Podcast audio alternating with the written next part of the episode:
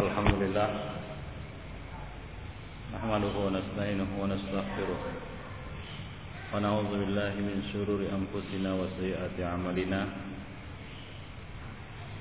من يهده الله فلا مضل له ومن يضلل فلا هادي له أشهد أن لا إله إلا الله وحده لا شريك له وأشهد أن محمدا عبده ورسوله يا أيها الذين آمنوا اتقوا الله حق تقاته ولا تموتن إلا وأنتم مسلمون أما بعد Ikhwanifiddin pada malam ini kita akan memulai fasal yang pertama Jama' Afta'il Musallin fi thiyabihim wa satri awratihim fi salah Kumpulan kesalahan orang yang salat dalam hal pakaian dan menutup aurat di dalam salat. Dalam fasal ini ada beberapa poin. Pertama akan disampaikan tamhid pengantar. Kemudian akan dibahas di dalam fasal ini as-salatu fi al-haziqah allati tasiful aurah Salat dengan pakaian dengan mengenakan pakaian yang sempit hingga membentuk aurat. Kemudian as-salatu fi thiyabir raqiqah asy-syaffafa. Salat dengan memakai pakaian yang tipis dan transparan. Kemudian as-salat wal aurah maksyufah Salat dengan atau dalam keadaan aurat terbuka atau tersingkap. Maksyufah tersingkap. Kemudian salatu musbilil izar. Salat orang yang musbil pakaiannya. Kemudian satu thawb wa talassum fi salat. Mengenai menutup mulut dan eh, menjuntaikan pakaian di dalam salat. Akan dibahas di sini. Larangan menutup sebagian mulut ataupun menutup mulut di dalam salat dengan memakai cadar ataupun sejenisnya. Kemudian akan dibahas juga kafut taubi fi salati wa tasmiruhu menyingsingkan pakaian di dalam sholat yaitu lengan pakaian. Akan dibahas juga nanti mengenai menyingsingkan celana. Kemudian salatu maksyufil atiqain. Salat dengan kedua pundak terbuka. Kemudian as-salatu fit alaihi surah. Salat dengan memakai pakaian yang bergambar Kemudian as-salatu fi thawbil mu'asfar. Salat dengan mengenakan pakaian yang dicelup mu'asfar. Kemudian terakhir salat maksyufur ra'si. Salat dalam keadaan kepala terbuka, yaitu tanpa mengenakan penutup kepala. Nah, itulah pembahasan-pembahasan yang berkaitan dengan pakaian dan menutup aurat di dalam salat. Ikhwan Fiddin sebenarnya alangkah baiknya ya. Ini usulan yang bagus untuk penulis yaitu saya masyhur. Seandainya beliau memulainya dengan kesalahan orang-orang dalam hal wudhu karena wudhu juga syarat salat sebagaimana menutup aurat juga syarat salat karena kita lihat masih banyak kaum muslimin yang salah wudhunya yang keliru di dalam hal wudhu. Yang mana kekeliruan di dalam wudhu ini bisa juga berpengaruh pada ibadah salat. Sebagaimana halnya kesalahan di dalam menutup aurat bisa berpengaruh pada keabsahan salat. Namun demikian, beliau memulainya dengan masalah menutup aurat dan tidak menyinggung tentang kesalahan orang-orang yang berwudhu. Kita mengira mungkin beliau akan membahas hal itu di satu buku terpisah ya. Kumpulan kesalahan orang-orang yang berwudu. Tapi sampai sekarang itu belum muncul buku yang seperti itu. Padahal kita katakan sekali lagi kebutuhan untuk mengetahui kesalahan-kesalahan ya manusia khususnya kaum muslimin pada saat berwudu itu sangat penting ya itu sangat penting. Apalagi sekarang ini kaum muslimin banyak yang mengerjakan wudhu tanpa didasari oleh ilmu. Ada keinginan juga untuk mengumpulkan ataupun me, e, menyebutkan ataupun menulis tentang kesalahan-kesalahan orang-orang yang berwudhu. Tapi itu mungkin pada e, kita katakan kalau ada waktu dan kesempatan kita bisa menulisnya. Baik. Tapi tidak mengapa itu tidak mengurangi ke apa namanya kesempurnaan ataupun ke uh, kelayakan buku ini ya walaupun beliau memulainya dengan masalah uh, kesalahan dalam hal menutup aurat. Baik, tamhid yang pertama adalah pengantar. Akhraja Muslim fi sahihi bi sanadihi ila Abi Utsman An-Nahdi Muslim, Imam Muslim mengeluarkan satu riwayat dengan sanadnya kepada Abu Utsman An-Nahdi. Abu Utsman An-Nahdi ini seorang tabi'i, sebahagian menggolongkannya beliau adalah muhadram. Kataba ilaina Umar wa nahnu bi Azerbaijan. Umar menulis kepada kami sebuah surat ketika itu kami berada di Azerbaijan Azerbaijan sekarang sudah merdeka dan menjadi satu negara yang berdiri sendiri, negara Azerbaijan. Itu wilayah di uh, Rusia Selatan sekarang ini ya. Baik. Yang isinya adalah Ya Utbah ibn Farqat Innahu laysa min kaddika wala min kaddi abik wala min kaddi ummik Ya Utbah bin Farqat Sesungguhnya Jabatan itu Ataupun harta itu bukanlah hasil jerih payah ibumu atau ayahmu Bukan jerih payahmu Dan bukan juga hasil jerih payah ayahmu Dan juga bukan hasil jerih payah ibumu. Apa yang kau dapatkan dari kepemimpinan Berupa pajak dan seterusnya Zakat Baitul mal yang penuh dengan harta itu bukanlah hasil usahamu, hasil peras keringatmu, bukan juga hasil peras keringat ayahmu dan ibumu. Fa'asbi'il muslimina fi rihalihim. Maka buatlah kaum muslimin kenyang di rumah-rumah mereka. Ini pesan ya waktu itu Umar bin Khattab adalah Amirul Mukminin dan Utbah bin Farqat waktu itu adalah gubernur di sana di Azerbaijan. Maka buatlah kaum muslimin kenyang di eh, eh, rumah-rumah ataupun di kediaman-kediaman mereka. Mimma tasba'u minhu fi rahlik. Sebagaimana engkau kenyang dengan makanan-makanan di tempat tinggalmu, di kediamanmu. Yaitu berbagi.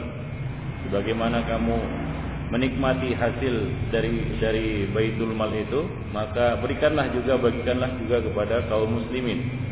Nah, ini merupakan perhatian Umar bin Al-Khattab kepada pegawai-pegawainya, ya, uh, anak buahnya, pekerja-pekerjanya, ya, termasuk di antaranya adalah para gubernur yang beliau tunjuk agar bertakwa kepada Allah terhadap kaum muslimin, tidak mengkorupsi harta baitil mal dan membagi-bagikannya menurut kebutuhan kepada kaum muslimin mimma tasba'u minhu fi rahlik. Bagaimana engkau kenyang dengan makanan itu di tempatmu atau di, di rumah.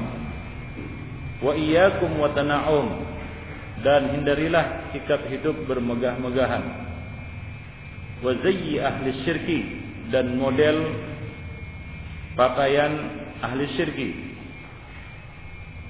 Walabu walabusul harir dan hindari juga mengenakan pakaian sutra jadi di sini ada beberapa hal yang disampaikan oleh Umar bin Al-Khattab. Yang pertama adalah perintah untuk membagi-bagi harta Baitul Mal menurut kebutuhan kaum muslimin. Yang kedua adalah menghindari hidup bermegah-megahan, kemudian menghindari tasyabuh bil musyrikin yaitu menyerupai orang-orang musyrik dan larangan dari uh, larangan mengenakan uh, pakaian al-harir yaitu pakaian sutra. Adapun pakaian sutra ini tentunya ada hadis yang melarang hal itu bagi kaum, kaum pria dari kalangan kaum muslimin. Wajah fi Musnad Ali bin Ja'ad. Jadi di sini poin yang ingin dipetik oleh penulis adalah waziyyi ahli syirki dan model pakaian model penampilan dari ahli syirki yaitu kaum musyrikin. Yaitu larangan tersebut bil musyrikin. Itu poin yang hendak diambil dari penukilan uh, surat Umar bin Al-Khattab ini. Wajah fi musnad Ali bin Ja'ad. Dan dalam musnad Ali bin Ja'ad beliau mengatakan fa'taziru wartadu wanta'ilu wa alqul khifaf wa alqus abikum Ismail wa iyyakum wa tanahum wa zayyil ajam Beliau mengatakan Bersarunglah dan pakailah selendang rida wartadau yaitu pakailah selendang wanta'ilu dan pakailah an-na'al yaitu sandal ataupun alas kaki wa alqul khifaf wa alqus sarawilat dan buanglah atau lepaskanlah khifaf kuf dan lepaskanlah sarawilat yaitu celana yaitu jangan pakai celana. Wa alaikum bilibasi abikum Ismail. Hendaklah kamu memakai pakaian bapak kamu Ismail. Wa iyyakum wa tana'um wa zayyil ajam. Ini penukilan dari Umar juga dalam riwayat yang lain di dalam Musnad Ali bin Dan hindarilah sikap hidup bermegah-megahan yaitu tana'um wa zayyil ajam dan model pakaian orang-orang ajam yaitu orang-orang non Arab. Demikian juga Waqi dan Hannad di dalam kitab Az-Zuhud dari Ibnu Mas'ud mengatakan la yusbihu zayy la yusbihu zayy zayya hatta tusbihu al-qulubul quluban. Tidaklah satu model itu ditiru melainkan hati akan saling berhampiran. Tasabbuh al-qulub bil qulub artinya hati akan saling berhampiran, artinya berdekatan. Yaitu apabila kita mendekati ataupun meniru satu model, maka otomatis hati kita juga akan dekat ya kepada yang memiliki model tersebut. Hati akan terkait kepadanya. Misalnya kita meniru orang-orang musyrik, orang-orang majusi, model mereka, gaya mereka, maka otomatis hati kita juga akan terkait dan dekat kepada mereka. Wa kalam Abdullah bin Mas'ud ma'khudun min qawlihi sallallahu alaihi wasallam. Tadi itu perkataan Abdullah bin Mas'ud. Dan perkataan Abdullah bin Mas'ud tadi diambil dari sabda Rasulullah sallallahu alaihi wasallam, "Man tashabbaha bi qaumin fa huwa minhum." Barang siapa yang menyerupai satu kaum, maka ia termasuk dari golongan mereka. Tashabbuh bi ghairina atau bi ghairil muslimin hukumnya berbeda-beda. Ada yang sampai kepada derajat haram apabila tasyabuh itu pada perkara-perkara yang menyangkut ibadah, akidah, ibadah dan ritual mereka Dan ada yang sampai kepada hanya kepada derajat makruh, yaitu tidak sampai kepada derajat haram. Yaitu apabila itu tidak berkaitan dengan apa? Dengan ibadah dan ritual mereka, tidak menyangkut akidah mereka. Nah, demikian ikhwan fillah rahimani wa rahimakumullah. ولهذا أمر عمر بن الخطاب رضي الله عنه رعيته ayul khifaf wasarawilah. Oleh karena itulah Umar bin Khattab menyuruh atau memerintahkan rakyat-rakyatnya ataupun rakyatnya agar melepas khuf dan sarawilan. Kama amarhum bi ghairi dzalika min labusil Arab wa wa adatihim. Sebagaimana beliau menyuruh mereka untuk mengenakan pakaian Arab dan adat kebiasaan mereka. Adat kebiasaan mereka. Liyuhafizu ala ala ala musakhafatihim fala yabdabiu fil ajin Tujuannya adalah agar menjaga identitas mereka sebagai orang Arab dan sebagai kaum muslimin dan tidak ya terdesak dan ter, terseret arus model-model dari orang-orang ajam yaitu orang-orang Arab. Pada saat itu ya e, bangsa ajam yang paling besar adalah bangsa Persia dan bangsa Romawi. Demikian ini. Wa inna fi tashabbuhi afradi ummati nabi a'daihim fil libas wa ghairihi dalilan ala du'fi iltizamihim wa sulukihim. Beliau mengatakan di sini perkataan penulis, ya, sesungguhnya perbuatan meniru musuh-musuh Islam yang dilakukan oleh sebahagian orang di kalangan umat ini meniru musuh-musuh mereka di dalam hal pakaian dan dan dalam hal-hal yang lainnya, dalam perkara-perkara lainnya, itu merupakan dalil, itu merupakan bukti, itu merupakan indikasi ala du'fi iltizamihim wa.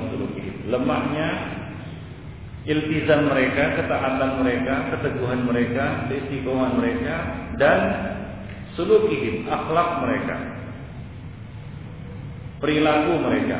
Wa annahum musabuna bida'it talawun wa tamarrud bahwasanya mereka terkena penyakit yang namanya penyakit suka latah ya suka melatah. Ini penyakit meniru dan melatah. Sampai dalam hal meniru dan melatahi musuh-musuh mereka di dalam model-model mereka. Nabi tadi mengatakan man tasyabbaha biqaumin fahuwa minhum. Wa anna siratuhum mutakhallalah la qarara laha. Dan bahwasanya perilaku mereka itu mutakhallalah terdapat goncangan di dalamnya. Tidak bisa teguh dan tidak bisa istiqomah di atasnya. Wa annaha kamadatin sa'ilah. Seperti benda cair yang bergerak. Musta'iddah lil insihar fi kulli qalibin fi kulli siap untuk mencair ataupun siap untuk menguap kapan saja dan di mana saja. Ini menggambarkan kepada kita bagaimana kondisi umat ini apabila mereka meniru musuh-musuh mereka. Rasulullah Shallallahu Alaihi Wasallam juga mengingatkan, "La tattabi'anna sanana man kana qablakum sibran bi sibrin, zira'an bi zira'in, hatta law dakhalu juhra dabbin la dakhaltum." Wa fawqa hadha, fa inna hadha naw' min at-tashabbuh fi'lah sani'ah. Dan lebih dari itu kata beliau, jenis tasabuh seperti ini merupakan satu perbuatan yang sangat tercela fi'lah syani'ah. Mataluha kama tali rajulin yunsabun yunsibu nafsahu ila ghairi abi. Perumpamaannya adalah seperti seseorang yang menisbatkan dirinya kepada selain bapaknya. Ya, orang yang negro lalu dia menisbatkan kepada bule. Orang lain akan ketawa dengan pengakuannya. Ya, si negro tadi mengaku saya ini bule. Maka orang-orang akan ketawa dengan pengakuannya tersebut. Ya. Nah, itulah dia perumpamaannya. Ya, seperti seorang laki-laki yang menisbatkan diri mereka kepada selain bapaknya. Dan dapat kita lihat juga kejanggalan dan keanehan, keganjilan. Ya, bahkan kita katakan satu kepandiran ya, ya kebodohan sebahagian orang dari kalangan umat ini yang meniru-niru apa orang-orang kafir. Bagaimana penampilan mereka? Mata dibiru-birukan kan begitu ya. Kemudian gaya juga ditiru dan lain sebagainya. Yang itu merupakan satu perbuatan yang tercela dan ya, tidak baik dan buruk. Walladzina yaslukuna hadzal maslak wa hadzal sabil lahum minal ummah allati wulidu fiha. Orang-orang yang melakukan seperti itu atau memilih jalan seperti itu, mereka ini lahum minal ummah allati ulidu fiha. Mereka bukan berasal dari umat ini. Mereka tidak mau ya apa namanya melebur diri dan mengaku sebagai bagian dari umat ini. Bahkan mereka akan gengsi jika mengaku sebagai kaum muslimin. Wala minal ummah wala minal ummati allati yuhibbuna ayyu'addu minha. Bahkan bagi umat yang mereka tiru itu juga tidak menerima keberadaan mereka, eksistensi mereka. Mereka bukan berasal dari tidak ya berasal atau berada di dalam di tengah-tengah umat ini dan tidak juga berasal dari umat yang mereka sukai, yang mereka gandrungi, yang mereka ingin agar terhitung dari golongan tersebut. Sebagaimana yang Allah Subhanahu wa taala katakan la ilaha ula wa la ilaha ula. Tidak kepada mereka dan tidak juga kepada yang lain. Tidak kepada orang kafir, tidak kepada orang muslim. Ya Allah wa. Nah, ini menjelaskan kepada kita bagaimana sikap sebahagian orang yang suka meniru-niru ya, gaya ataupun kebiasaan orang-orang musyrik atau orang-orang kafir atau orang-orang barat ya, westernisasi sekarang ini di mana orang-orang meniru gaya-gaya barat ya, yang mana kalau kita lihat lucu ya, tidak ya, bisa dikatakan sebagai orang barat dan juga telah melepas identitasnya sebagai seorang muslim. Ya, jadi tangguh Waqat yuqal. Ya dan juga pernah dikatakan lima lam yuqawim al ulama al muslimin hadhihi al adat qabla istifhali amriha. Mungkin ada yang mengatakan mengapa para ulama tidak ulama kaum muslimin ya tidak melawan adat-adat seperti ini ya sebelum masalahnya menjadi besar ya ini muncul ya dibawa oleh kita dikenal dengan sebutan generasi kaum muda. Mereka datang dengan jas lalu dengan apa namanya dengan dasi ya lalu dengan topi dan lain sebagainya dari kebiasaan apa namanya adat ataupun ciri-ciri orang-orang kafir orang-orang Nasrani dan Yahudi. Dan mereka memperkenalkannya di tengah-tengah kaum muslimin. Hingga itu dijadikan sebagai suatu Eh, kita katakan uh, uh, satu tren ya. Yang mana kalau memakai itu ini adalah tren kaum muslimin yang maju. Dan yang tidak memakai seperti itu ini adalah satu gambaran kaum muslimin yang mundur dan terbelakang. Demikian. Wal jawab annahum qawamuha Keasad di mata kundu muqawamah. Jawabnya adalah sebenarnya ulama kaum muslimin telah melawan arus ini sejak dahulu dengan perlawanan yang sangat sengit dan sangat keras. Baida anna sunnatut ta'siril maghlub bil ghalib lam tanjah ma'aha muqawamatul ulama. Akan tetapi karena pengaruhnya begitu dominan, arus westernisasi itu uh, sangatlah deras, maka perlawanan para ulama ini tidak berhasil atau tidak memberikan pengaruh yang besar fatawarraqa fi adatil musyrikin musyrikin wa libasihim katsirun muslimin yang pada akhirnya banyak dari kaum muslimin ya yang ter apa namanya terseret arus mengikuti dan menyerupai melatahi adat kebiasaan orang-orang musyrik dalam hal pakaian mereka dan kebiasaan mereka. Bal katsirun mimma mimman yantasibu yantasibuna ilal ilmi. Bahkan yang sangat disayangkan sekali juga adalah di antara mereka adalah atau kebanyakan dari mereka atau banyak dari mereka adalah orang-orang yang menisbatkan diri diri mereka sebagai ulama atau ahli ilmu yaitu orang-orang yang dipandang sebagai berilmu ya kita lihat penampilan mereka ataupun eh, pakaian yang mereka kenakan ya mirip dan menyerupai orang-orang kafir Bahkan misalan sayyi ma misalan sayyi'an lil muslimin. Jadilah mereka ini sebagai ya satu contoh yang buruk ya bagi kaum muslimin. Ya kita lihat sekarang ini ya antum bisa lihat mungkin ya ketika mereka-mereka ini tampil di televisi bagaimana bentuknya ya, bagaimana bentuknya ya dengan jenggot tercukur rapi, klimis, kemudian kumis disebal dipelihara tebal, ya kemudian dengan dakinya ya kemudian dengan jasnya ya tanpa memakai penutup kepala dan mirip seperti orang-orang kafir. Itulah yang kita lihat ya dari orang-orang yang menisbatkan diri mereka kepada ilmu. Ini sangat disayangkan sekali. Hingga mereka ini menjadi contoh bagi kaum muslimin. Dan kaum muslimin menjadikan mereka sebagai satu acuan. Mereka katakan Kenapa kita tidak boleh memakai seperti ini sementara si fulan yang alim memakainya dan menggunakannya. Baik, Wa yazinu tinul balla. Dan masalahnya menjadi lebih rusak lagi adalah anna minhum may 'anis shalah bi annaha tuhdith fi sarawil al-bantalun tajaqqudan yusawwihu man darahu Samina hadza bi min al-katsirin. Bahkan di antara mereka yang lebih parah lagi adalah ya'tadiruna anis salat. Ya'tadiruna anis salat artinya mereka meninggalkan salat.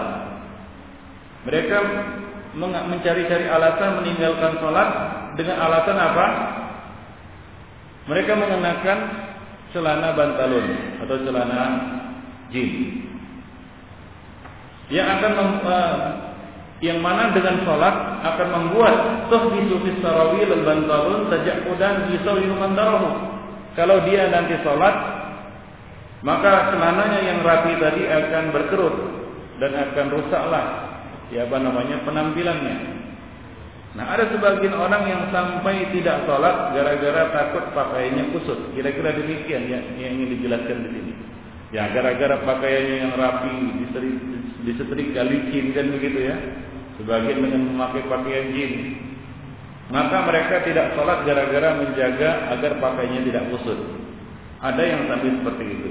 Kata beliau di sini, kami hadza bi adanina min min Kami mendengar alasan-alasan seperti ini dari banyak orang. Mereka nggak mau sholat atau e, menangguhkan sholat karena sedang memakai pakaian-pakaian seperti ini. Baik. Ada yang memakai jas karena memakai jas agak sempit dia katakan bahwa sulit ruku, sulit sujud. Koyak nanti kan begitu artinya dia nggak sholat gara-gara pakaiannya yang sempit tadi. Ya gara-gara pakaian pakaian yang rapi yang dan licin ya, setrikaannya tadi maka dia pun tidak mengerjakan sholat gara-gara itu. Nah banyak kita lihat sekarang ini orang-orang yang karena alasan pakaian mereka nggak sholat. Wah masa sholat itu memang tidak dipersiapkannya. Ya, akhirnya dia meninggalkan sholat gara-gara pakaian. Ya, meninggalkan sholat gara-gara pakaian. Wa yazinu billah aydan dan masalahnya lebih parah lagi. Ini yang pertama, kesalahan yang pertama tadi itu adalah tamkid. Bagaimana kesalahan itu terjadi dalam hal berpakaian di dalam sholat. Itu diawali dengan apa? Kesalahan mereka berpakaian di luar salat yang merembet akhirnya juga ke dalam ibadah salat. Ya karena kebanyakan dari mereka tidak membawa pakaian khusus untuk salat. Ya. Tidak membawa pakaian khusus untuk salat. Apa yang dia pakainya di luar salat itulah yang dipakainya ketika salat. Nah, dimulai dari kesalahan mereka ketika mengenakan pakaian di luar salat, nah ini merembet, merembet kepada kesalahan ya di dalam salat dalam hal pakaian. Kenapa mereka salah di dalam berpakaian di luar salat? Salah satu penyebabnya adalah tasyabuh bil kufar, karena meniru pakaian orang orang kafir tadi atau orang-orang non muslim atau orang-orang ajam. Demikian itu. Pakaian-pakaian adat kan begitu ya. Yang akhirnya mereka jatuh dalam kesalahan-kesalahan tersebut. Yang pertama adalah As-salatu fi thiyabil haziqah allati tasifu awrat Sholat dengan mengenakan pakaian yang ketat hingga menampakkan bentuk aurat. Labzus thiyabil haziqah ad-daghithah makruhun syar'an wa tibban.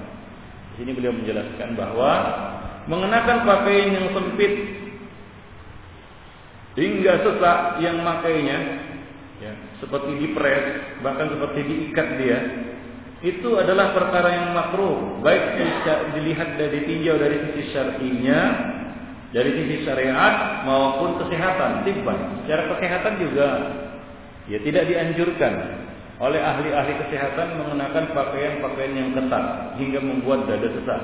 Apalagi kalau dia kena sakit asma kan begitu ya? Wah itu sulit itu jadi banyak mudaratnya mengenakan pakaian-pakaian yang ketat ini di samping dari sisi syar'i dia adalah perkara yang dilarang karena bisa menampakkan aurat. Dari sisi kesehatan juga memberikan mudarat atau membawa mudarat. Lidharari hadir badan karena dapat memberikan mudarat kepada badan. Hatta inna ba'daha yata'athar sujud ala labitihi. Hingga sebahagian dari pakaian-pakaian ketat itu membuat orang yang memakainya nggak bisa sujud. Kalau sujud kejepit-jepit dia ya menjepitlah ininya, selangkangannya, pahanya yang berakibat dua. Rusaknya yang di dalam atau koyaknya pakaian. Ikhwani fillah azani Allah wa iyyakum jami'an. Itu yang terjadi. Ya. Coba lihat orang-orang yang mengenakan pakaian sempit itu. Kadang-kadang dia korbankan uh, sujudnya dan rukuknya. Bagaimana? Dia ruku tidak sebagaimana mestinya. Agak naik sedikit ke atas. Kenapa? Karena kalau betul-betul ruku maka akan bunyi, kan gitu ya, crack gitu. Maka terpaksa dia ruku seperti ini. Demikian juga sujudnya. Sujudnya juga tidak sempurna. Ya, sujudnya juga tidak sempurna. Kenapa? Kalau dia sujud secara sempurna dan demikian juga duduknya. Dan semua gerakan-gerakan sholat dia korbankan gara-gara pakainya yang yang sempit tadi. Faida ada wa faida ada lubsuha ila tarki shalah hurrima Jika dengan memakainya dia tidak bisa sholat, maka ini diharamkan. Qat'i diharamkan. Jelas diharamkan. Walau di ba'da salawat, walaupun hanya pada beberapa salat saja dia tidak bisa gara-gara pakaian tersebut. Ya tetap diharamkan azani Allah Jadi tidak boleh mengenakan pakaian-pakaian ketat ini secara syar'i maupun secara kesehatan. Waqad sabata bi tajarrub anna aktsara man yalbisunaha la yusallun. Dan ya, realita kenyataan di lapangan membuktikan bahwa kebanyakan atau mayoritas orang-orang yang mengenakan pakaian-pakaian yang sempit ini tidak mengerjakan salat. Au illa qalilan. Au illa qalilan. Atau mereka mengerjakan salat tapi sedikit, bolong-bolong. Kalau munafikin seperti munafikin. Atau dia mengerjakan salat tidak sempurna. Ya, dia mengerjakan salat dengan gerakan yang tidak sempurna, terganggu gara-gara pakaiannya yang sempit. Wa katsirun minal musallin hadhihi al-ayyam yusalluna bi thiyabin tasifu as-sawatain. Dan banyak orang salat pada hari ini mereka mengerjakan salat dengan pakaian yang membentuk sawatain. Sawatain adalah dua bokong. Dua bokong itu sawatain. Nampak dua bokongnya. Ihdahuma au kiltaihima. Salah satu atau dua-duanya.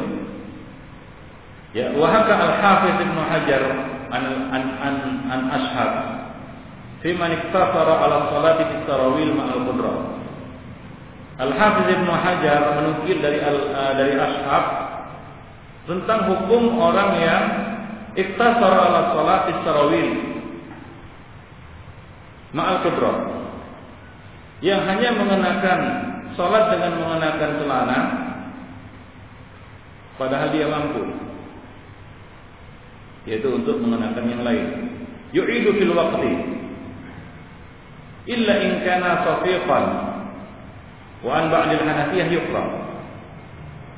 Kecuali jika itu tebal dan menurut ulama sebagai ulama-ulama Hanafiyah itu hukumnya makruh.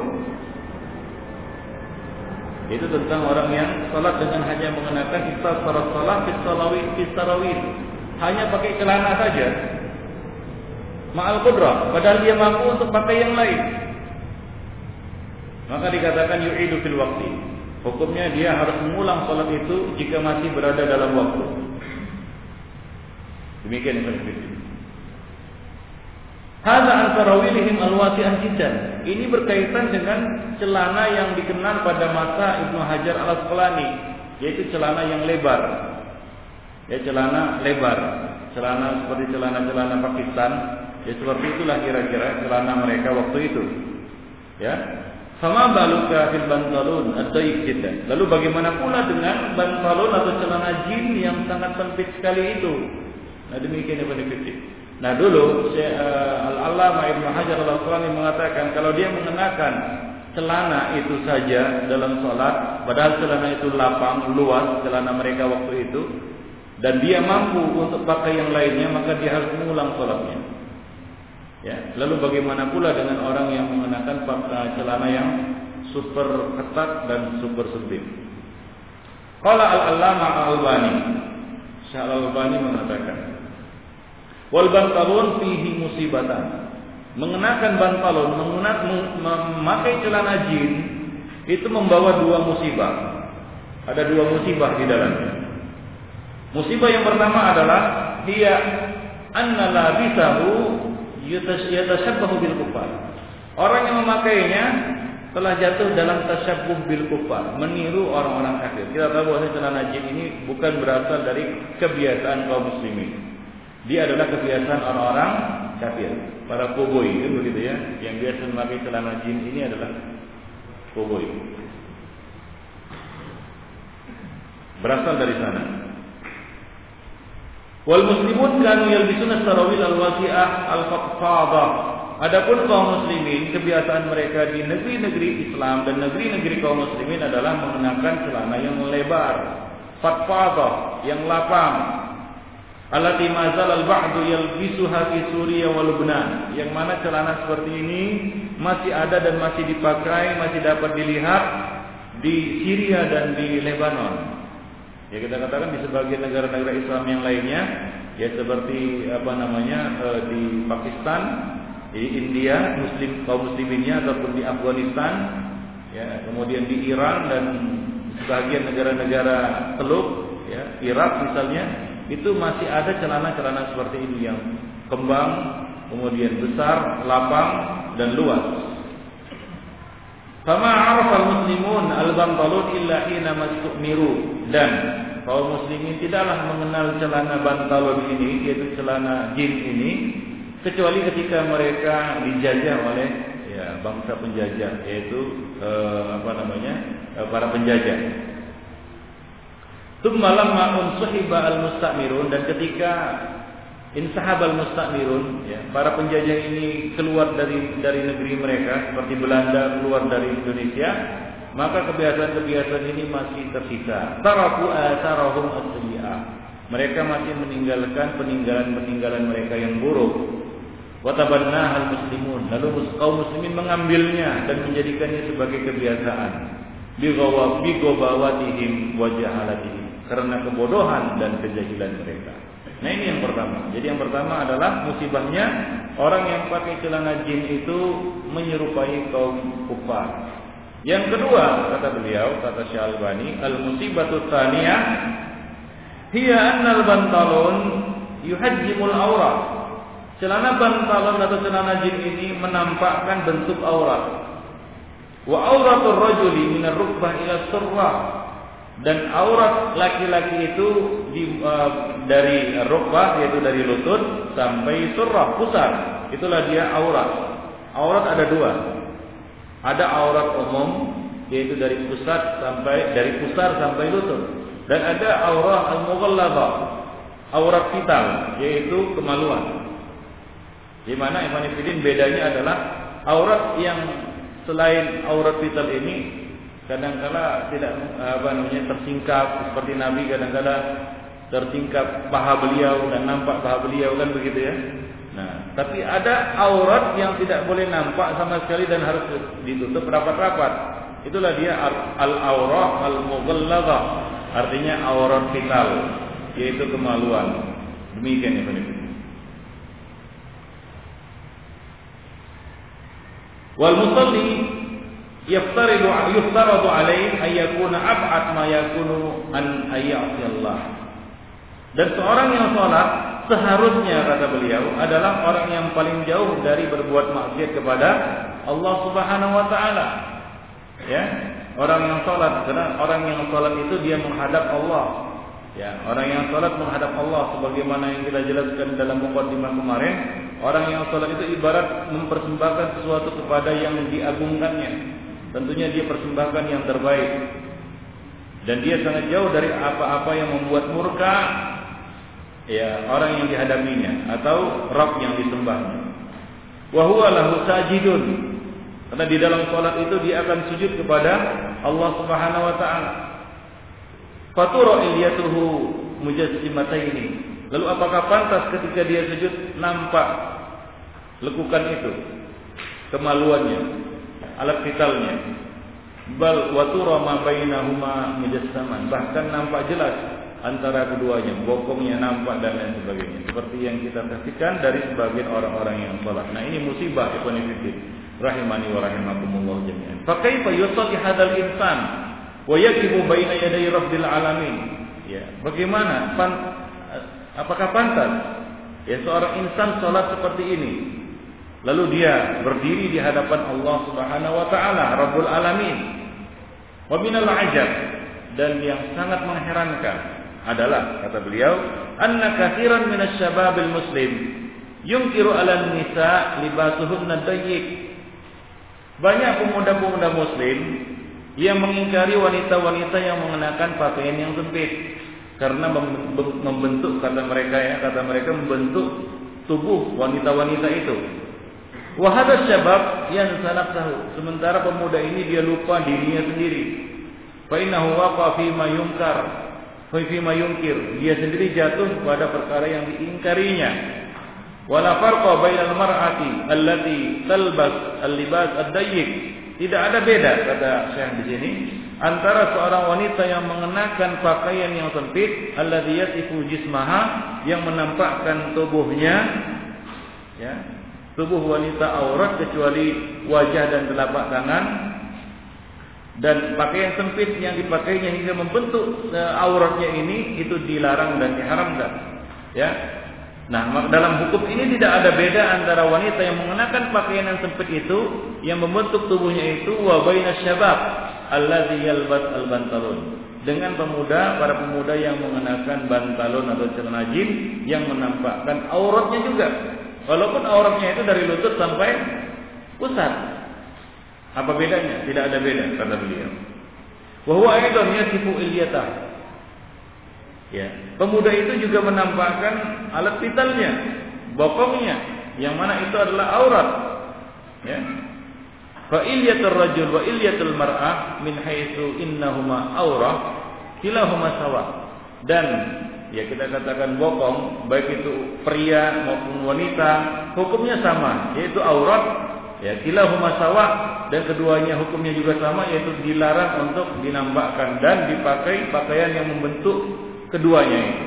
Demikian. Fayajibu ala ala syabab ayan tabihu li hadhil musibah oleh karena itu beliau mengatakan wajib bagi para pemuda untuk memperhatikan ya ya dan apa namanya waspada terhadap musibah ini. Allati ammathu illa man Allah wa qalilun ma'hum. Yang mana musibah ini sudah merata di kalangan para pemuda kecuali orang-orang yang dikehendaki oleh Allah Subhanahu wa taala dan sangat sedikit mereka itu. Dan kalau kita lihat sekarang ini ya banyak kaum muslimin yang masih bukan hanya pemuda bahkan kita katakan sebagian orang-orang tua ya sudah 50 tahun akan tapi masih gemar pakai celana-celana ketat seperti ini.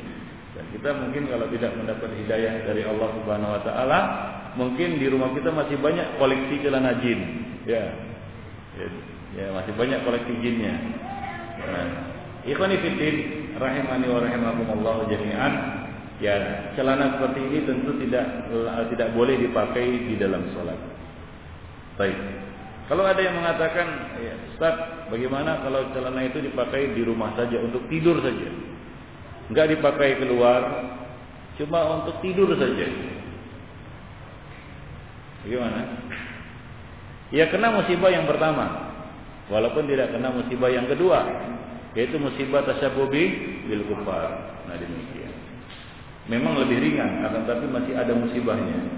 Baik, yang bagus adalah tidak mengenakannya lagi. Baik, baik. Wa amma idza kana al-bantalun. Nah, kemudian di sini saya menjelaskan, apakah hukum bantalon ini mutlak? Bantalon itu tidak boleh dipakai, celana jin tidak boleh dipakai. Atau bahan jin itu haram. Dikatakan di sini beliau mengatakan, amma idza kana al-bantalun wasi'an ghairu dayyiq sahhat fihi salat. Adapun jika celana jin itu luas, tidak sempit, lapang, sahhat fihi salat, maka sah salatnya. Ya, artinya kalau antum nempak pakai bahan jin, ya, tapi luas, lapang seperti celana Pakistan, kan begitu ya? Iya boleh, silakan, sah salat dengan mengenakannya. Bahkan ya kita katakan dengan bahannya yang tebal itu lebih menutup, kan begitu ya? Tidak transparan dia, dijamin tidak transparan. Hanya saja masalah ya ketat atau tidaknya. Nah, kalau dibuat tidak ketat, maka itu tidak mengapa. Sah salatnya.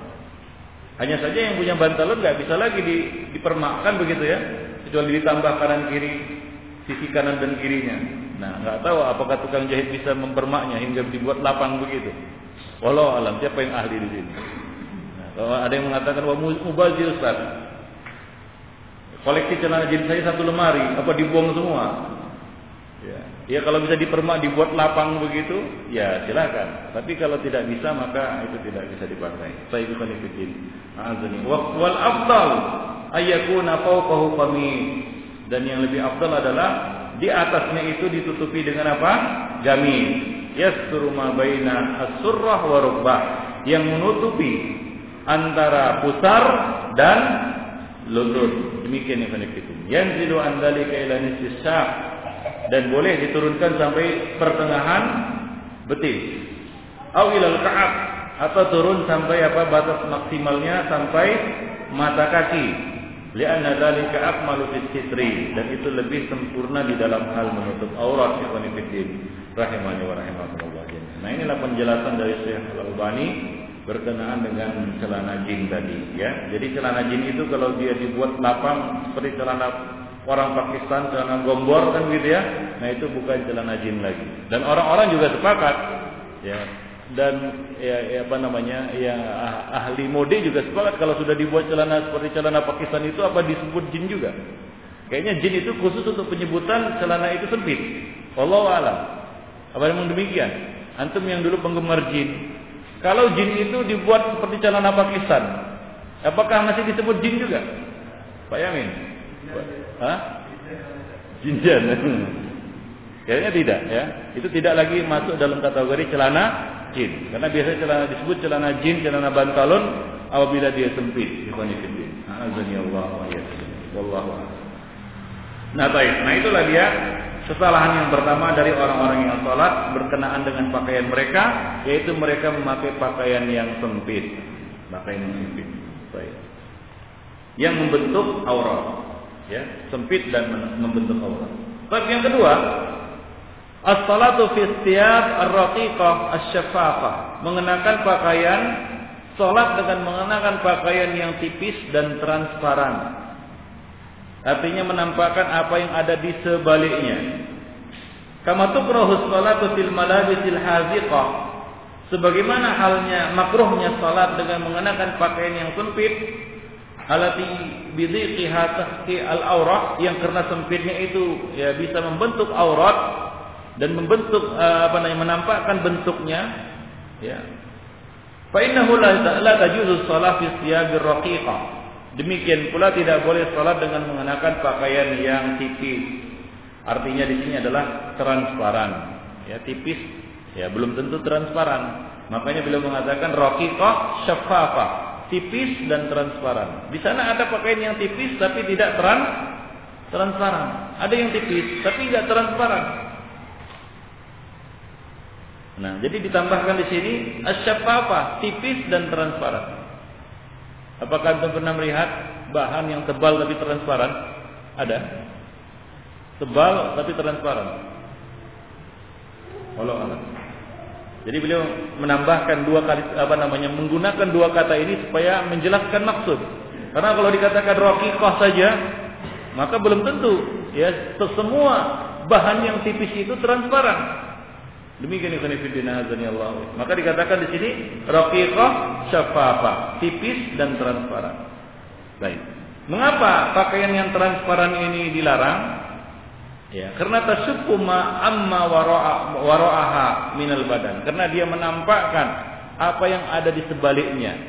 Ya, bagian tubuh, anggota tubuh yang ada di sebaliknya akan menampakkan aurat seolah-olah dia tidak mengenakan pakaian itu. Nampaklah pusarnya, kan begitu ya? Nampaklah ya kita katakan pahanya.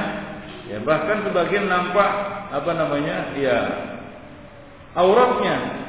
Ya, dengan memakai pakaian seperti itu sangat tipis ya hingga transparan. Atau berbayang.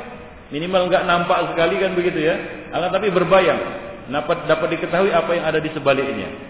Nah ini ini dilarang ikhwan fillah azani Allah wa iyyakum.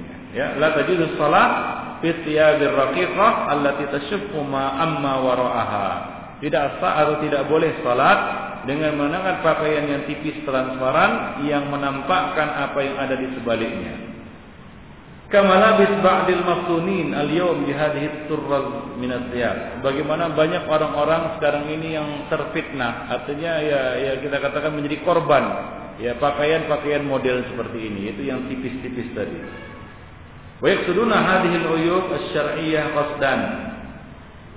Li'annahum usra asra as-syahwat. Dan mereka ini kata beliau adalah orang-orang yang terbelenggu ataupun menjadi tawanan syahwat wa abidul adat dan menjadi budak al adat yaitu budak mode. Kadang-kadang yang memperkenalkan pakaian-pakaian yang tipis transparan ini adalah mode.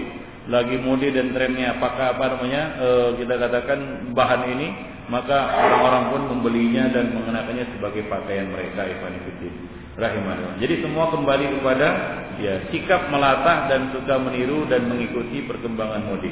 Walaupun itu ternyata bertentangan dengan ya kita katakan syariat dan kaidah-kaidah syariat.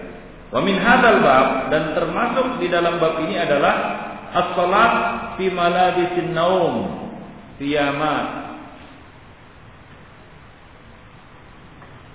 Termasuk di dalam larangan ini adalah salat dengan mengenakan pakaian tidur yang disebut dengan piyama. Piyama biasanya pakaiannya tipis, ya. Dan ini dilarang memakai pakaian untuk tidur sebagai pakaian sholat. Yaitu pakaian yang khusus untuk tidur, biasanya disebut piyama. Ya, Al Imam Al Bukhari mengeluarkan di dalam sahihnya dengan sanadnya yang sahih sampai kepada Abu Hurairah radhiyallahu anhu yang mengatakan qama rajulun ila Nabi sallallahu alaihi wasallam fasa'alahu anis salati fi wahid. Seorang laki-laki berdiri menemui Rasulullah Sallallahu Alaihi Wasallam dan bertanya kepada beliau tentang salat dengan mengenakan sehelai pakaian saja. Yaitu dia bertanya ya Rasulullah, bolehkah aku salat dengan mengenakan sehelai pakaian saja? Maka Nabi mengatakan awakullukum yajidu taubain. Apakah semua kalian, apakah kalian semua memiliki dua pakaian atau dua pasang baju, ya, dua dua setel baju? Artinya tidak semua dari kalian memiliki dua setel baju. Maka artinya boleh mengenakan sholat dengan mengenakan sehelai kain saja. Summa sa'ala rajulun Umar faqal. Lalu laki-laki itu bertanya kepada Umar dan mengatakan, Faqal, "Idza wasa Allahu fa'usi'u." Maka Umar Umar mengatakan kepadanya, ya, laki-laki itu bertanya lagi kepada Umar, maka Umar berkata, Idza wasa Allahu fa'usi'u. Jika Allah Subhanahu wa taala memberikan kelapangan bagi kalian, maka pergunakanlah kelapangan itu. Artinya kalau kamu memang hanya memiliki satu helai pakaian saja, maka itu ya darurat. Artinya apa? Memang cuma itu pakaiannya. Misalnya orang yang sangat miskin, tapi sekarang ini juga tidak tergambar seperti itu. Pada zaman Nabi memang ada. Seperti orang yang mau nikah nggak punya apa-apa, hanya sehelai kain disuruh cari apa namanya mahar. Ya kita katakan sebongkah cincin besi saja dia tidak bisa. Dia tidak bisa untuk mencarinya dan memberikannya. Ya dia cuma punya sehelai kain. Dan kain itu kalau diberikan sebagai mahar maka dia tidak pakai apa-apa. Nah demikian. Itu itu ada pada zaman Nabi. Tapi kalau sekarang wallahu alam. Ya mungkin saja ada ya. Nah demikian maka Umar mengatakan ketika laki-laki itu bertanya kepada Umar atau ada seorang laki-laki bertanya kepada Umar tentang masalah ini yaitu tentang masalah mengenakan sehelai pakaian saja di dalam salat maka beliau mengatakan idza wasa Allah wa usiku. Jika Allah Subhanahu wa taala memberikan kelapangan bagi kamu dalam hal dunia ya kamu punya banyak pakaian kamu punya banyak eh, kita katakan eh, baju maka fa'usiu maka pergunakanlah kelapangan itu Salat rajulun fi izarin warida, maka hendaklah seorang itu salat dengan mengenakan apa? Izar warida.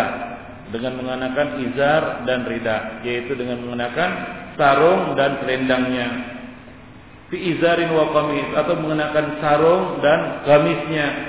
Fi izarin wa kubba dengan mengenakan sarung dan celananya. Fi sarawil warida dengan mengenakan celana dan ridanya fi sarawil wa qamis atau mengenakan celana dan gamis fi sarawil wa kubba dengan mengenakan sarawil yaitu celana dalam dan celana luar wa fi tubban wa kubba dengan mengenakan tubban yaitu jenis celana pendek juga dan kubba yaitu semacam mantel Wafi tuban wa kamis dan dengan mengenakan tuban yaitu celana jenis celana pendek dan jamis. Artinya bervariasi. Pergunakanlah apa-apa yang Allah Subhanahu wa taala telah berikan kepada kamu. Jadi rezeki dan kelapangan yang Allah Subhanahu wa taala telah berikan kepada kamu. Yaitu gunakanlah e, pakaian-pakaian yang yang kamu miliki untuk mengerjakan ibadah salat yang terbaik dari ini. Wa Abdullah bin Umar nafi an yusalli fi khulwatihi fi thawbin wahidin faqala lahu Abdullah bin Umar melihat Nafi mengerjakan salat saat sendirian dengan sehelai pakaian saja. Ya, jadi Abdullah bin Umar melihat Nafi mengerjakan salat sendirian dengan mengenakan sehelai pakaian. Faqala lahu. Maka Abdullah bin Umar berkata kepadanya, "Alam aksuka saubain?" Ya, ini perlu kita ketahui latar belakangnya. Nafi ini adalah Maula Ibnu Umar, artinya budak Ibnu Umar. Maka Abdullah bin Umar berkata kepadanya, "Alam aksuka taubain? Bukankah aku telah memberikan kepadamu dua helai pakaian?" Maka Nafi mengatakan, "Bala." Iya. Kal, maka Abdullah bin Umar mengatakan, "Apa kunta takhruju ila fi thawbin wahid?" Apakah engkau tega keluar ke pasar dengan mengenakan sehelai pakaian saja? Ya. Apakah engkau tega keluar ke pasar dengan mengenakan sehelai pakaian saja? Maka Nafi mengatakan tidak tega. Ya, ya enggak tega lah. Ya, keluar ke pasar dengan mengenakan sehelai pakaian saja. Maka Abdullah bin Umar mengatakan, "Fallahu ahaqqu ayyutajammala lahu." Allah Subhanahu wa taala lebih berhak ya untuk kamu berhias kepadanya. Jadi kita lebih berhak berhias kepada Allah Subhanahu wa taala ketika menghadap Allah Subhanahu wa taala daripada ketika menghadap manusia. Nah, demikian itu ini merupakan adab seorang muslim kepada Allah Subhanahu wa taala di mana dia salat dengan penampilan yang terbaiknya. Khuzu zinatakum inda kulli masjid. Pakailah perhiasan kamu yaitu pakaian kamu yang kamu miliki yang terbaik yang kamu miliki ketika kamu mendatangi masjid-masjid yaitu ketika hendak mengerjakan salat ikhwanifidin. Jadi di sini Abdullah bin Umar menegur Nafi karena hanya mengenakan sehelai pakaian. Beliau tidak mengatakan bahwasanya salat Nafi tidak sah. Salatnya sah, akan tapi tidak pantas bagi seorang muslim untuk mengenakan sehelai pakaian saja untuk sholatnya. Nah demikian di dalam sholatnya. Demikian pula dengan piyama, Ikhwanifidin. Bagaimana hukum orang yang sholat dengan mengenakan piyama? Ya kita katakan sholatnya sah selama itu telah apa namanya memenuhi kriteria menutup aurat. Akan tapi makruh tidak pantas bagi seorang muslim untuk menghadap Allah Subhanahu wa taala asal-asalan saja. Sebagaimana kita jelaskan di dalam mukadimah bahwa kadar kecintaan seseorang kepada Allah itu dapat dilihat barometernya dari apa? Dari sholatnya. Bagaimana dia ya mempersiapkan diri untuk sholat. Kalau dia benar-benar cinta kepada Allah, tentu tidak etis. Dia sholat ya hanya dengan apa? Sarung dan pakai singlet kan begitu ya? Pakai sarung, pakai singlet saja begitu. Ya kita katakan bahkan ini sah sholatnya. Sebagian orang ada yang berdalih seperti itu. Nah, kalau dia hanya punya itu saja, mungkin ini bisa dimaklumi. Tapi Allah Subhanahu wa taala telah memberikan kelapangan kepadanya, tapi dia tidak menggunakannya. Ya, tidak menggunakannya. Sungguhnya Allah suka jika Allah Subhanahu wa taala memberikan nikmat kepada seorang hamba, dia menampakkannya. Itu ada hadisnya. Ya, dia menampakkannya. Para ulama menjelaskan terutama di dalam sholat Kenapa? Karena di dalam sholat ada perintah khusus zinatakum inda kulli masjid. Nah ini dapat kita lihat perintah Nabi ketika sholat id. Bagaimana kita diperintahkan untuk mandi, sholat Jumat juga mandi, kemudian mengenakan pakaian yang paling bagus yang kita miliki. Nah demikian yang kami rahimani wa rahimakumullah. Nah di sini makna dari teguran Abdullah bin Umar kepada Nabi. Demikian yang Soalnya Nabi di sini sholat sendirian. Dia merasa ah sholat sendirian saja kan begitu ya. Ya ternyata terlihat oleh majikannya yaitu Abdullah bin Umar. Baik. Jadi ketika seorang itu sholat janganlah dia merasa sendiri kan begitu ya. Wah saya sendiri nggak terlihat. Pakai mati lampu lagi kan begitu ya. Pakai sarung, pakai apa namanya pakai uh, singlet lalu dia sholat. Begini. Baik. Wahakata man yusalli fi malabisin naum. Nah ini kembali kepada perkataan Syekh. Demikian pula orang yang sholat dengan mengenakan pakaian tidur. Maksudnya adalah pakaian yang yang khusus dipakainya untuk tidur. Ya. Kadang-kadang kita karena ketiduran kan pakai pakaian yang biasa dipakai untuk sholat. Nah itu bukan pakaian tidur namanya. Yang dimaksud dengan malabisun naum adalah pakaian yang memang khusus dibuat dirancang untuk tidur. Contohnya piyama, ya. Contohnya piyama. Enggak ada orang yang keluar ke pasar pakai pakai piyama. Nah demikian yang itu. Baik, yang dirancang untuk tidur. Dan urufnya itu adalah pakaian untuk tidur. Fainahu yastahi ayakhruja ila suqi biha. Tentunya dia akan malu keluar ke pasar dengan mengenakan pakaian seperti itu.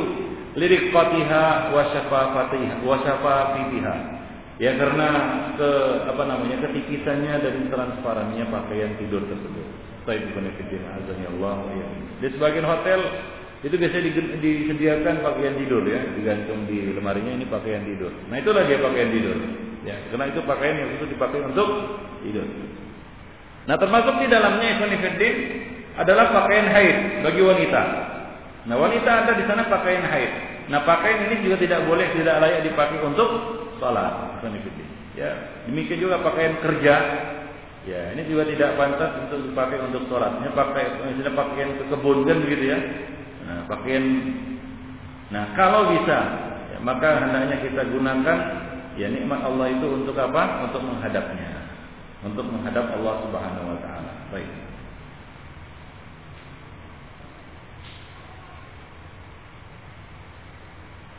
Karena kita yakin ketika kita sholat Allah Subhanahu Wa Taala melihat kita, ya, dan Allah Subhanahu Wa Taala berada di hadapan orang yang sholat. Karena kita bermunajat kepadanya, maka kita lebih pantas untuk berhias diri untuk menghadapnya. Seperti kata Abdullah bin Umar, Fallahu ahaqqu ayyutajammalu lahu. Allah adalah yang lebih berhak untuk melihat penampilanmu yang paling bagus, terutama di dalam salat. Khuzu zinatakum inda kulli masjid.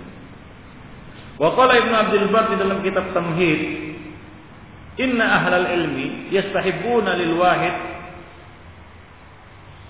al-mutiq ala thiyab." Ayat ajammala fi salatihi mastata'a bi thiyabihi.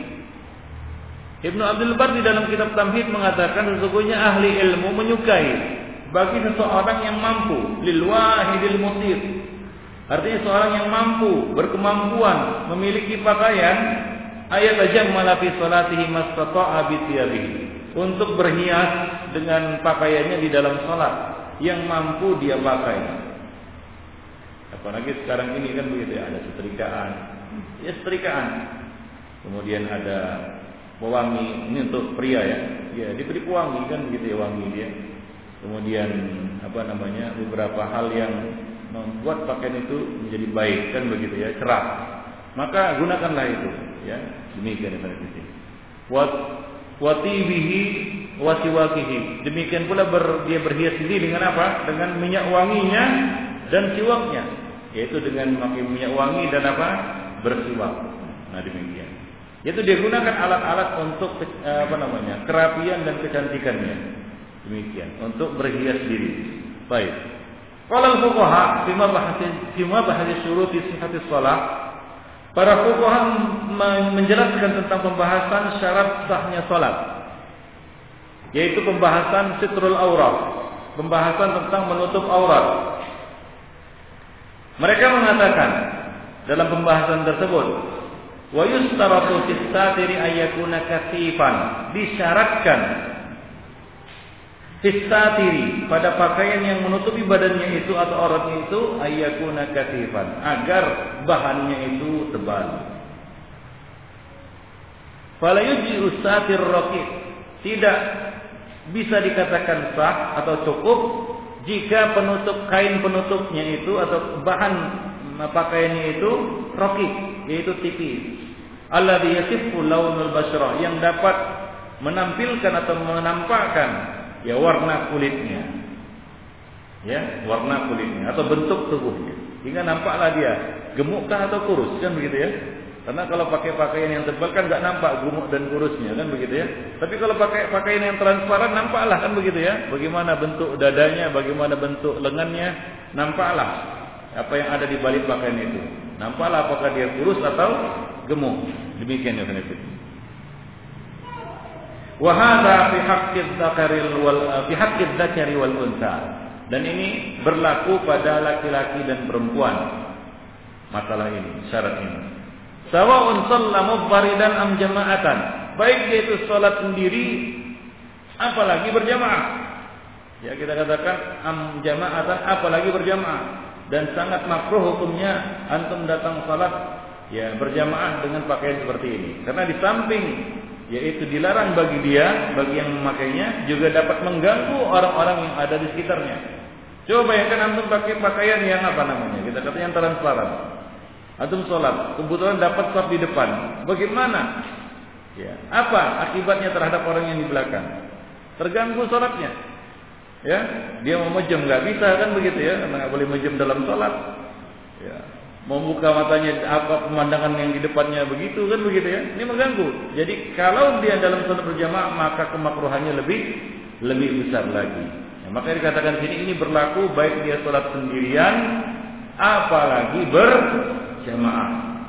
Fakullu man kasyafa man auratahu ma'al qudra ala sitriha la tasihhu salatahu. Setiap orang yang membuka auratnya padahal dia mampu untuk menutupinya, maka tidak sah salatnya. Walau kana munfaridan, walaupun dia salat sendirian fi makanin mudlim, di tempat yang gelap.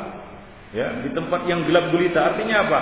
Tidak lantas wah karena gelap gulita enggak bisa terlihat sama sekali, Kemudian boleh sholat tanpa menggunakan pakaian, pakai celana pendek saja. Kenapa? Gelap gulita tak nampak sama sekali. Lihat ke bawah aja tak nampak apa-apa kan begitu ya. Walaupun dalam tempat yang gelap gulita sekalipun, nggak boleh kita sholat dengan membuka aurat. Demikian. Dengan alasan bahkan nggak nampak ini, mana nampak kan begitu ya. Nah, seperti ada aliran sesat kan begitu yang sholat tanpa sehelai benang pun yang ada di tubuhnya, tapi di tempat gelap. Kata mereka ini lebih apa namanya? Lebih fitrah, iya, lebih fitrah. Jadi itu batil. La tasih salatahu. Lil ijma' ala annahu fardun fi shalah. Berdasarkan ijma' bahwasanya itu merupakan satu kewajiban di dalam salat yaitu firman Allah Subhanahu wa taala, "Ya bani Adam, khudhu zinatakum inda kulli masjid." Wahai bani Adam, ambillah atau pakailah pakaian kamu ya di setiap kali setiap kali kamu datang dan ingin mengerjakan salat di masjid. Baik masjid. Wal muradu bizina yang dimaksud dengan azina atau perhiasan di dalam ayat tersebut adalah mahalluha, yaitu tempatnya, wahwa atau yaitu pakaian. Jadi yang dimaksud dengan zina di dalam ayat tersebut adalah pakaian. Wabil masjid dan yang dimaksud dengan masjid adalah as-salat. Baik. Ai ilbasuha ma yuwari auratakum inda kulli salat yaitu jadi ayat itu artinya adalah pakailah apa-apa yang dapat menutup aurat kamu di setiap kali kamu hendak salat. Itulah maksud dari ayat tersebut dan nanti akan kita lanjutkan min hadal bab salatu ba'dihim fi thawbin satiril jasadid dasdas ar-raqiq. Yaitu salatnya sebagian orang yang menutupi tubuhnya dengan dasdas yaitu semacam apa namanya pakaian uh, olahraga yang ketat ya demikian. Yaitu Pulau Basrah yang menampakkan uh, warna kulitnya. Baik. Nanti akan kita bahas pada pertemuan yang akan datang insyaallah. Baik, jadi ini bab, bab yang pertama atau pasal yang pertama berkaitan dengan menutup aurat. Ya, yang jika ada pertanyaan berkaitan dengan ini.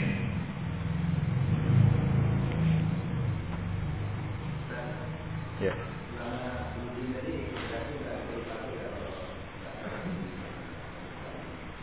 Ya kalau nggak dibuat lapang hingga keluar dari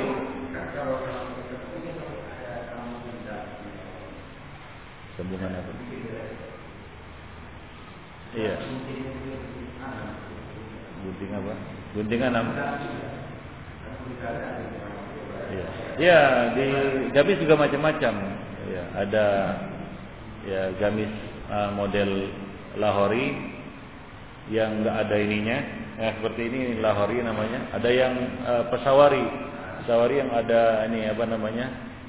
Uh, ada ruangnya, potongannya lain gitu. Demikian juga celananya. Tapi yang yang jadi batasan adalah e, lapang dan luasnya itu dia.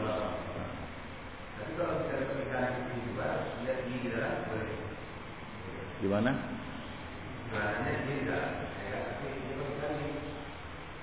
Celananya jin, ya eh, ya tertutup memang, ya tertutup.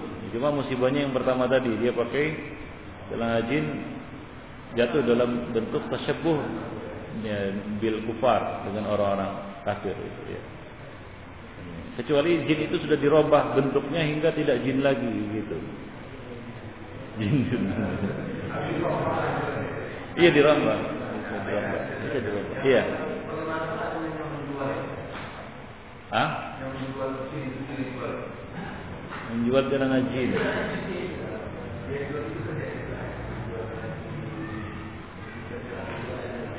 Ya, tinggalkannya. Dia, dia gantilah usahanya, mempermak celana jin gitu.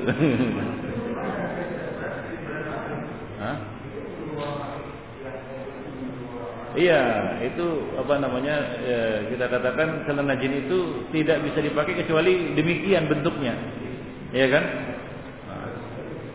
Jadi bagusnya ya dia ganti, ya, iya celana biasa begitu, celana biasa, celana jin tapi bentuknya lain kan begitu ya, enggak jin lagi gitu. Nah, mungkin dia buat mode baru kan gitu ya. Ya, sekarang ini kan kita katakan, ya, manusia ini kan perang mode. Dan mode itu terus berganti-ganti.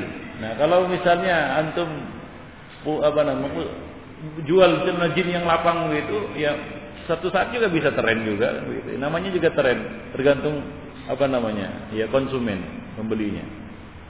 Ya, kalau misalnya dia punya usaha seperti itu, dia ganti saja, dia buat ya celana bahan jin dengan potongan Pakistan kan begitu ya, celana seperti celana Pakistan. Ya, mungkin, mungkin banyak juga peminatnya. Nah demikian. Kan itu boleh. Nah kalau sudah seperti itu kan boleh.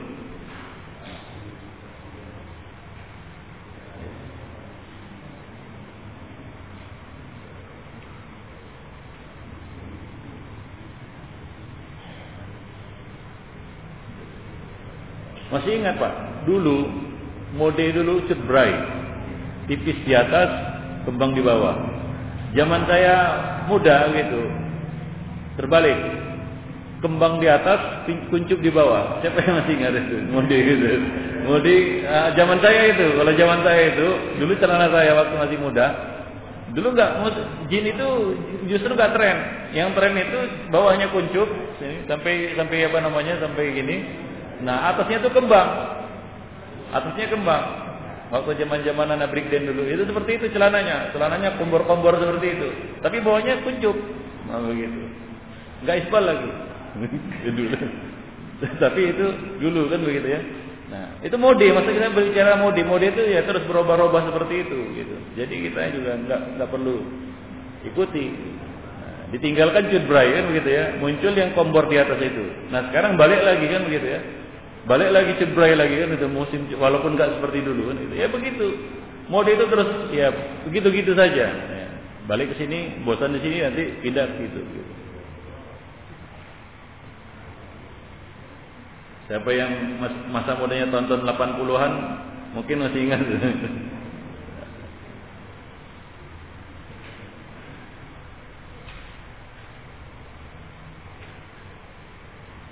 ya.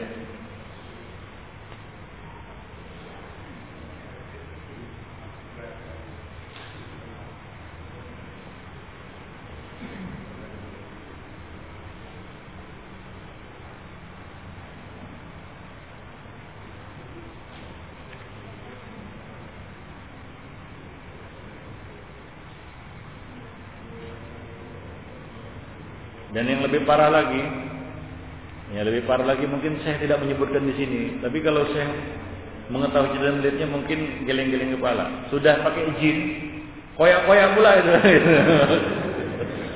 Ada sebagian orang yang pakai sudah pakai izin koyak-koyak model nggak tahu lah anak apa ya. Sudah dia sempit, dikoyak-koyak lagi kita pernah lihat ya. Nah, lututnya kan begitu ya, atasnya sedikit nih koyak. Nah, Apa? Jadi apa celana belel? Nah, saya nggak tahu namanya, ya, tapi itu muncul sekarang.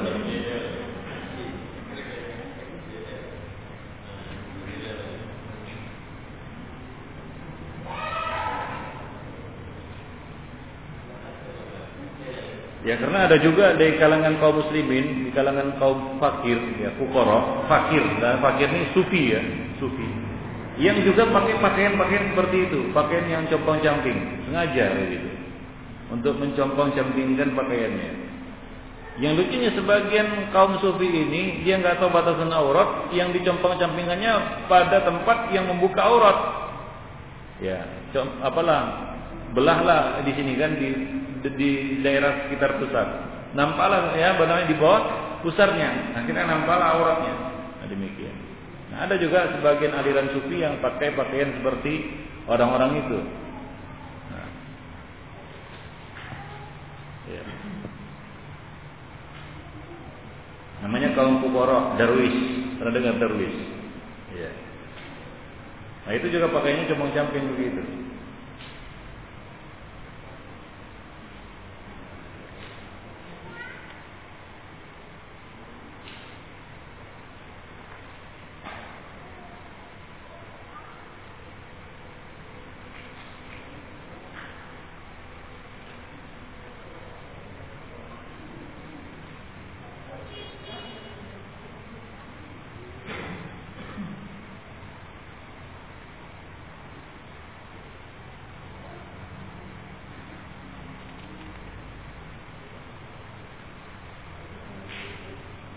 Kalau sudah pakai celana, ada yang banyak mungkin bertanya, kalau sudah pakai celana apakah harus pakai kain? Hah? Karena ada sebagian orang yang yang apa namanya yang mengatakan bahwasanya walaupun dia sudah pakai celana harus pakai kain. Dia mengambil dari hadis Nabi wa taziru wa tasarwalu. Ya, pakailah celana dan pakailah kain. Artinya artinya mereka artikan harus pakai dua-duanya, nggak boleh satu saja, kain saja atau celana saja. Jadi kita katakan orang yang pakai celana dan sarung itu lebih sempurna bagus. Tapi kalau dia pakai celana saja tanpa pakai sarung juga tak tak mengapa. Itu bukan syarat dan bukan apa namanya satu keharusan. Wallahu Selama celananya itu lapang ya. Nah demikian. Baik, demikian saja Ibn Fiddin ya pertemuan kita pada kesempatan ya, hari ini. Mudah-mudahan ada manfaatnya. Subhanallah wa bihamdik, la ilaha illa anta, astaghfiruka wa atubu